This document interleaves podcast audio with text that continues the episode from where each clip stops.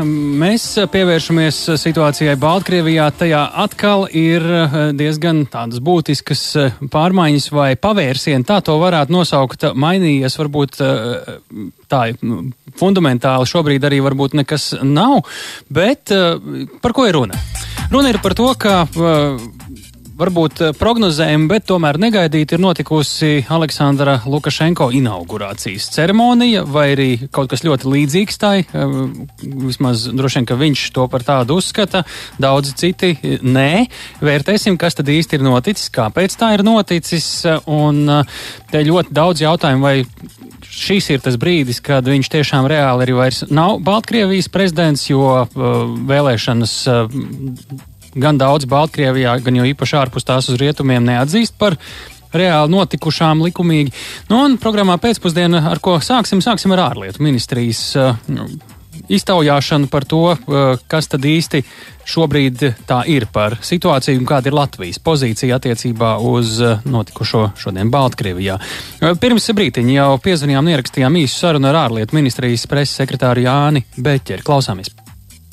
Bet tiešām arī Latvijas ārlietu dienestam, tāpat kā visām pārējām valstīm, nu vismaz par Eiropas Savienības valstīm, mēs varam droši runāt, kuras ir klātesošas Minskā. Šis bija pārsteigums. Šodien mēs nebijām uh, informēti par pašu procedūru, un, kā jūs minējāt, tur noteikti var atrast arī neprecizitātes un pretrunas pašā procedūrā kā tādā, bet es teiktu, ka tas iespējams pat nav tas būtiskākais. Šobrīd uh, Latvija, tāpat kā pārējās Eiropas Savienības valstis, ir jau ļoti konsekventi norādījuši savu nostāju, proti 9. augusta Baltkrievijas prezidenta vēlēšanas mēs neuzskatām ne par uh, brīvām, ne uh, godīgām. Līdz ar to par rezultātiem um, mēs nevaram runāt uh, kā sabiedrības viedokļi atspoguļojošiem. Līdz ar to arī mēs uh, neuzskatām, ka šodien uh, notikusi ceremonija jebkādā veidā varētu leģitimizēt un pilnvarot uh, Uh, bijušo Baltkrievijas prezidentu Aleksandru Lukašenko ieņemt prezidenta amats uz sesto termiņu pēc kārtas. Tas nozīmē ko? Ar ko Latvija šobrīd uh, sazinoties ar kaimiņu valsti, nu, kura ir tā, protams, ka ir valdība, ir diplomāti, bet tajā brīdī, kad ir jāsasinās ar uh, augstākā līmeņa amatpersonu vai jākomunicē vai mm. kā citādi jāinteraktē.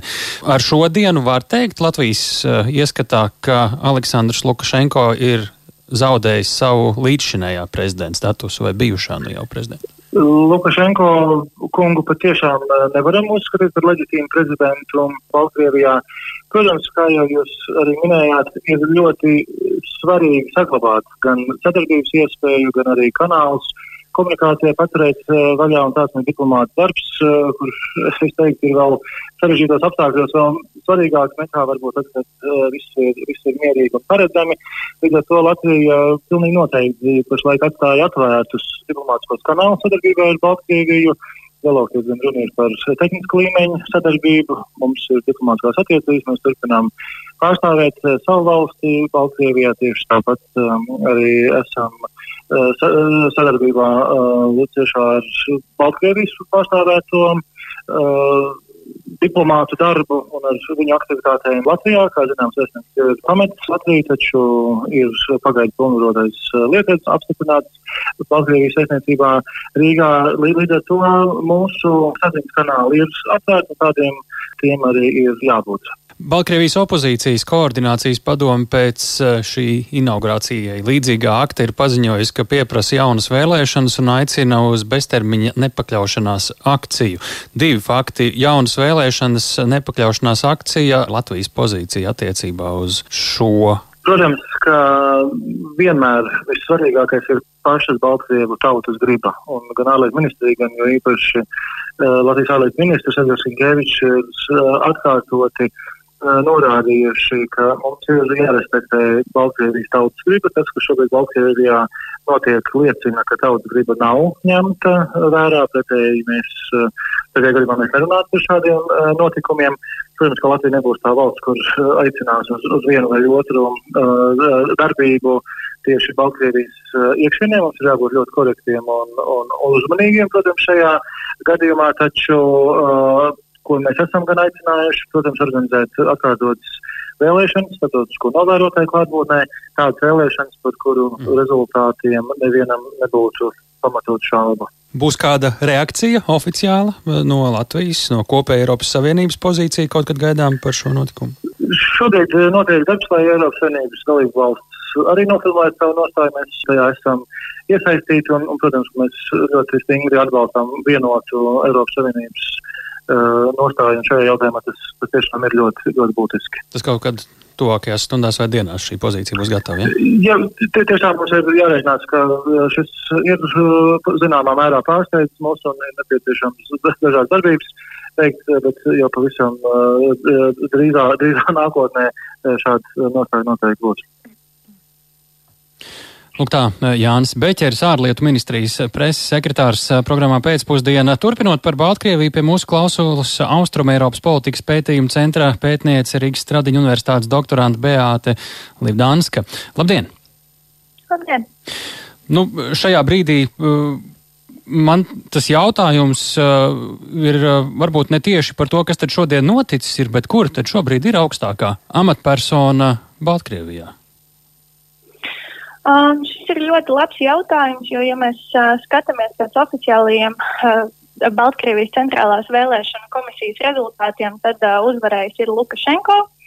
Um, uzsvers šeit uz oficiālajiem centrālās vēlēšana komisijas rezultātiem. Um, protams, uh, Baltkrievijas tauta ir izrādījusi savu neapmierinātību un, kā novērojām arī šos te uh, visu, visu vēlēšanu procesu gaitā, šīs vēlēšanas patiešām nav uzskatāmas uh, ne par godīgām, ne par leģitīmām. Um, līdz ar to uh, šobrīd uh, atzīt Lukašenko par uh, leģitīmu Baltkrievijas uh, līderi uh, mēs uh, nevarētu, jo, protams, arī uh, pati Baltkrievu tauta viņu šobrīd neatzīst par leģitīmu līderi, un tas, kas notika, tas, kas notika šodien, arī ar šo te slepeno inaugurācijas ceremoniju, ja tā var teikt, tad vēl vairāk izveidoja šo te plaisu starp Lukašenko un sabiedrību, kā rezultātā piekrītot, protams, arī ārlietu ministrijas viedoklim, šie te komunikācijas mm. kanāli ir jāpatur atkla, uh, atvērti, taču šis līderis ir jāaicina uz to, ka ir nepieciešams jaunas vēlēšanas, lai noskaidrotu šo patieso līderi. Bet tad, kad kāds vēlas runāt ar Baltkrieviju, ar ko runāt? Nu, šajā brīdī uh, ir tā, ka Lukašenko bija līdz šinējais prezidents, nu, tik daudz gan pati paši Baltkrievi, gan arī pasauli bija vai nu piekrituši vai atbalstījuši vai samierinājušies, bet akceptējuši vienā vai otrā veidā. Uh, tagad, kad nav jauna prezidenta ievēlēta, nu, vismaz tā, šīs vēlēšanas nav īsti leģitīmas uh, bijušas, tad uh, viņš tā kā turpina iepriekšējo termiņu, kamēr nav jauns prezidents. Tas arī tā var būt traktēts. Kā. Uh, ja skatāmies uz to, kāda šī komunikācija šobrīd, kas vada šo komunikāciju ar rietumiem, tā skaitā Eiropas Savienības, protams, uh, tad, šī, uh, tad tā ir koordinācijas uh, padomes uh, izveidotāja un opozicionāre, kā arī, protams, uh, bijusī uh, prezidenta amata kandidāte Svetlana Tihanovska. Uh, viņa arī tikusies Eiropas Savienībā ar uh, Eiropas Savienības ārlietu ministriem, uh, mm. kā arī bilaterālā līmenī vada šīs sarunas ar dažādu valstu pārstāvjiem, lai pievērstu uzmanību šai problēmai, kas šobrīd ir izveidojusies Baltkrievijā un arī Lukašenko neleģitimitātei. Tādēļ līdz ar to šobrīd, skatoties pēc šīs praktiskās puses, um, es teiktu, ka vismaz virspusē šī komunikācija, protams, notiek ar Tihanovsku. Um, taču, protams, ir jāpatur arī prātā tas, ka uh, šī komunikācija viņai noteikti ir jānotiek arī uh, caur diplomātiskiem kanāliem un, protams, ar šobrīd esošo Baltkrievijas valdību, lai varētu nonākt pie šī cerētā rezultāta. Interesanti, ka viņa savā uzrunā uh, nepieminēja šīs jaunās vēlēšanas. Viņa teica, ka viņa ir tā vienīgā līdera, kur šobrīd ir izvēlējusies Baltkrievijas tauta, un tagad visiem kopā jāceļ jauna Baltkrievijas, eh, nu, Baltkrievija. Tā kā, eh, nu, tas tā interesanti bija, jo vispārējie opozīcija, piemēram, saka, nē, eh, jārīko jauns vēlēšanas, nu, gan jau tik noskarto kaut kādi ir teikusi, bet, nu, tad nesadzirdējām šodien to.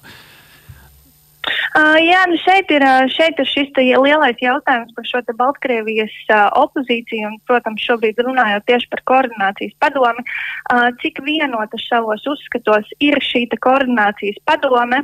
Um, redzējām arī no uh, Marijas Koļesnikovas puses kādu laiku at, uh, atpakaļ, ka viņa paziņoja par uh, jaunas partijas izveidi kopā ar Viktoru Babariko, par kuru savukārt nebija informēts uh, ne Pāvels Latuška, ne pati Tihanovska. Līdz ar to arī šeit ir dažādas pretrunas, um, kas attiecas uz šo te uh, Tihanovskas uh, aicinājumu un izteikumiem uh, viņu atzīt par šo te Baltkrievijas uh, līderi. Uh, tad uh, šeit ir uh, ļoti sarežģīta situācija. Un sarežģīta tajā ziņā, ka arī kā ir izteikušās uh, dažas Eiropas Savienības valsts kādu laiku atpakaļ, tā skaitā Latvija, um, tad uh, iepriekšējo vēlēšanu rezultātu, protams, ir neiespējami šobrīd pārbaudīt. Uh, protokoli ir iznīcināti, līdz ar to šo, šī procedūra ir ļoti apgrūtinoša. Tas, kā var noskaidrot šo jauno līderi, protams, ir rīkot jaunas mm. Baltkrievijas prezidenta vēlēšanas. Tālāk Lukašenko soļi, ņemot vērā šo šīs dienas manevru, tie, es pieļauju, ir diezgan grūti prognozējumi šobrīd. Uh, Vai jā, ir kaut kāda skaidrība? Tas, ko šobrīd dara Lukašenko, Lukašenko virzās uh, pats, uh, pats savu vēju pūst, proti viņš turpina šo procesu, ko viņš ir iesācis. Viņš pēc oficiālajiem šiem rezultātiem, tātad neskatoties uz protestiem, sevi uzskata par Baltkrievijas līderi. Viņš ļoti ātri īstenoja arī šo inaugurācijas ceremoniju, kurai bija jānotiek uh, divus mēnešus uh, pēc uh, šo Baltkrievijas prezidenta vēlēšana rezultātu paziņošanas. Uh, tas, ko izdari, uh, izvēlējās darīt Lukašenko, ātri bez liekas pretestības, uh, pilnīgā uh, klusumā un slepenībā aizvadīt uh, šo te inaugurāciju, lai pasludinātu sevi par šo līderi. Uh, līdz ar to es domāju, tas, ko darīs Lukašenko, ir tas, ko Lukašenko vismaz pagaidām dara jau līdz šim. Viņš nerespektēs rietumu aicinājumus, viņš jau nav respektējis arī sabiedrības aicinājumus sēsties pie viena galda un vienoties kaut kādā dialogā. Līdz ar to es domāju, Lukašenko turpinās darīt to, ko dara Lukašenko, ignorēt šos protestus, ignorēt opozīcijas aicinājumus un uzskatīt sevi par Baltkrievijas līderi, kā arī uh, pārvaldīt Baltkrieviju, protams, kā Baltkrievijas prezidentam. Paldies par sarunu. Beāte Livdānska, Austrum Eiropas politikas pētījuma centra pētniece, Rīgas Stradiņa universitātes doktorante, Latvijas ārpolitikas institūta pētniece Evija Jatkoviča pie mūsu klausulas, pie mūsu otras klausulas. Labdien! Labdien! Kas jūsu skatījumā šodien īsti ir noticis Baltkrievijā? Kas tas bijis par manevru no Lukašenko puses? Um, mēs uh, uzsākām uh, sarunu īstenībā ārlietu ministrijas pārstāvis uzsāka to, ka šis bija pietiekami negaidīts manevrs. Jā, datuma ziņā uh, noteikti šī inaugurācija nāca kā tāds negaidīts pavērsiens, bet uh, principā... Kaut kad bija it kā gaidāma. Jā, tieši tā. Turpinot arī Beatas domu, ka šai inaugurācijai vajadzēja notikt intervālā faktiski starp 9. oktobri un novembra sākumu saskaņā ar konstitūciju. Pretējā gadījumā iestājas nosacījums par ārkārtas vēlēšanu īstenošanu, un kam Lukašenko kungs nu nekādi nav gatavs piekāpties, līdz ar to inaugurācija bija gaidāma. Tostarp bija visnotaļ skaidrs, ka šī inaugurācija nenotiks publiski un nenotiks saulēcīgi paziņojot, baidoties un vairoties, acīm redzot, arī no protestu tāda kā uzplaiksnījuma un iespējams arī kādiem papildus incidentiem, kas to varētu apgrūtināt. Bet principā šis ir pašpasludināta prezidenta inaugurācijas akts, ko mēs visi kopā šodien piedzīvojām, bet kas nenāk nekā pārsteigums, nekā tāds ribens no skaidrām debesīm lai, paša, lai par cik pašu pasludinātu un pašam savu vēju pūstu mēs viņu nesauktu, viņam joprojām Baltkrievijā ir arī pietiekami liela reāla vara. Um, jā, viennozīmīgi mēs to nevaram noliegt. Pirmkārt, jau šī ir militāra vara, uh, kā mēs redzam, un kā īstenībā ir paziņojuši šobrīd jau arī gan opozicionāri, uh, gan arī atsevišķi rietumu pārstāvi, ka šis prezidents drīzāk šobrīd ir spēka struktūru prezidents un atsevišķu nu, jau izsijātu varas struktūru prezidents, bet katrā ziņā tas nav vairs tautas prezidents.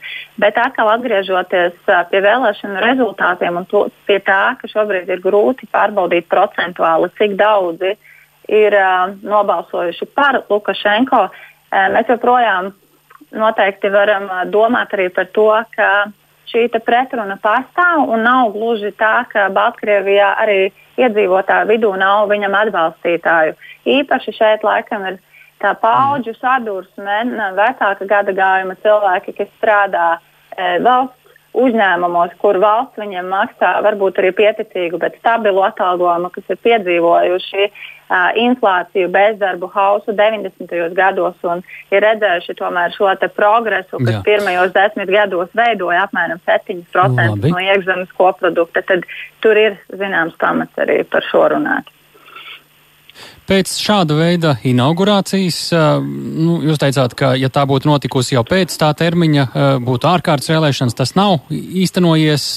Kādas kārtas tas ieliek šobrīd opozīcijas, šīs koordinācijas institūcijas rokās? Ko viņi tagad var tālāk ar to iesākt? Grūti teikt, vai viņi principā kaut ko šobrīd var uzsākt līdz tam brīdim, kamēr Lukašenko kungs nebūs gatavs tā teikt, arī apsēsties pie sarunu galda. Es drīzāk teiktu, ka bumbiņa šobrīd ir Lukašenko pusē. Viņš ir panācis to, ko viņš bija iecerējis, vilkt laiku ar mērķi paši inaugurēties un uzstādīt spēles noteikumus. Un te mēs nonākam pie iespējamajiem turpmākajiem scenārijiem. Un šķiet, ka viens no reālākajiem ir tas, uz ko viņš vedināja jau arī pirms vēlēšanām, ka jā, teorētiski ilgākā laika griezumā kaut kāds varas tranzīts un uh, varas centrālo spēlētāju nu, nomaiņa būtu iespējama, bet pēc viņa paša, vai drīzāk pat pēc iespējams Krievijas inicēta scenārija, kas paredz tādu ilgtermiņa procesu, kam apakšā ir konstitucionāli grozījumi, bet tādi, ko inicijē vēl esošais režīms, kam seko ārkārtas vēlēšanas, un viens no datumiem, kas ir šobrīd uh, izskanējis, ir 2022. gads. Un šāds priekšlikums saskaņā ar Medūzas, kas ir mēdījis, alternatīvas mēdījis, Krievijas mēdījis, viņu stāstīto informāciju, ka Lukašenko kungs ir nopublicējis jau šobrīd gan Krievijai, gan arī Eiropas drošības sadarbības organizācijai tādu kā plānu, kā iziet no situācijas, kur piedāvā vēlēšanas 22. gadā. Jā, mums vēl kāda minūtīte ir. Uh, nu, šajā brīdī, ko Tihanovskis sacīja, nu vairs nav pienākuma militāristiem, droši vien diplomātiem, visiem citiem uh, ievērot jebko, ko saka Lukašenko. Tā pašā laikā viņš droši vien tur finanšu sviras vēl rokās, kas to visu finansē, bet uh, tāpat Tihanovska arī ir rēķinājusi, ka ļoti diezgan īsam laikam šīs finanses viņam varētu šobrīd pietikt. Uh, tas nevar būt kaut kas tāds, kas visu krietni pātrina. Um. Es domāju, ka runājot par finansēm, šeit svarīgi ir saprast, ka arī Krievijai šobrīd ir izdevīgi tas, lai Lukašenko kungs saglabātu savu pozīciju līdz brīdim, kad ir sagatavots kāds, kas nāk vietā. Un tas atkal nozīmē, ka pat ja šobrīd ir tikai pusotras miljardas, kas ir piešķirti atkal aizdevumā vai aizdevuma sekšanai, vienalga, kam šī nauda tiek novirzīta, iespējams, Lukašenko kungam vēl ir iespēja teikt, notirgot kaut ko vēl Uh, jo, uh, nu, no Krievijas, jo, jo Krievijai tas arī ir vajadzīgs. Un, uh, tāpēc Gal galā arī visi resursi arī droši vien nu, viņam nav jāpublisko. Viņi var vienkārši būt. Jā, noteikti. noteikti. Un drīzāk tad arī jautājums, vai Eiropas Savienība vai vēl kāds cits būs gatavs kaut ko liekt pretī, ka šo sviru varētu mm. uh, pabīdīt kādā citā virzienā. Bet šeit arī svarīgi par spēka struktūrām tomēr saprast, tā teikt, ieguvumu un zaudējumu attiecību. Ja tomēr Lukašenko kungs noturās vēl kādu laiku un spēka struktūras maina šo savu pozīciju, uh, tad uh, viņi, viņi būtībā kļūst par. Uh, par, par nodevējiem, un par viņiem draud iestādes arī tribunāls par pavēļu neizpildīšanu. Arī tā.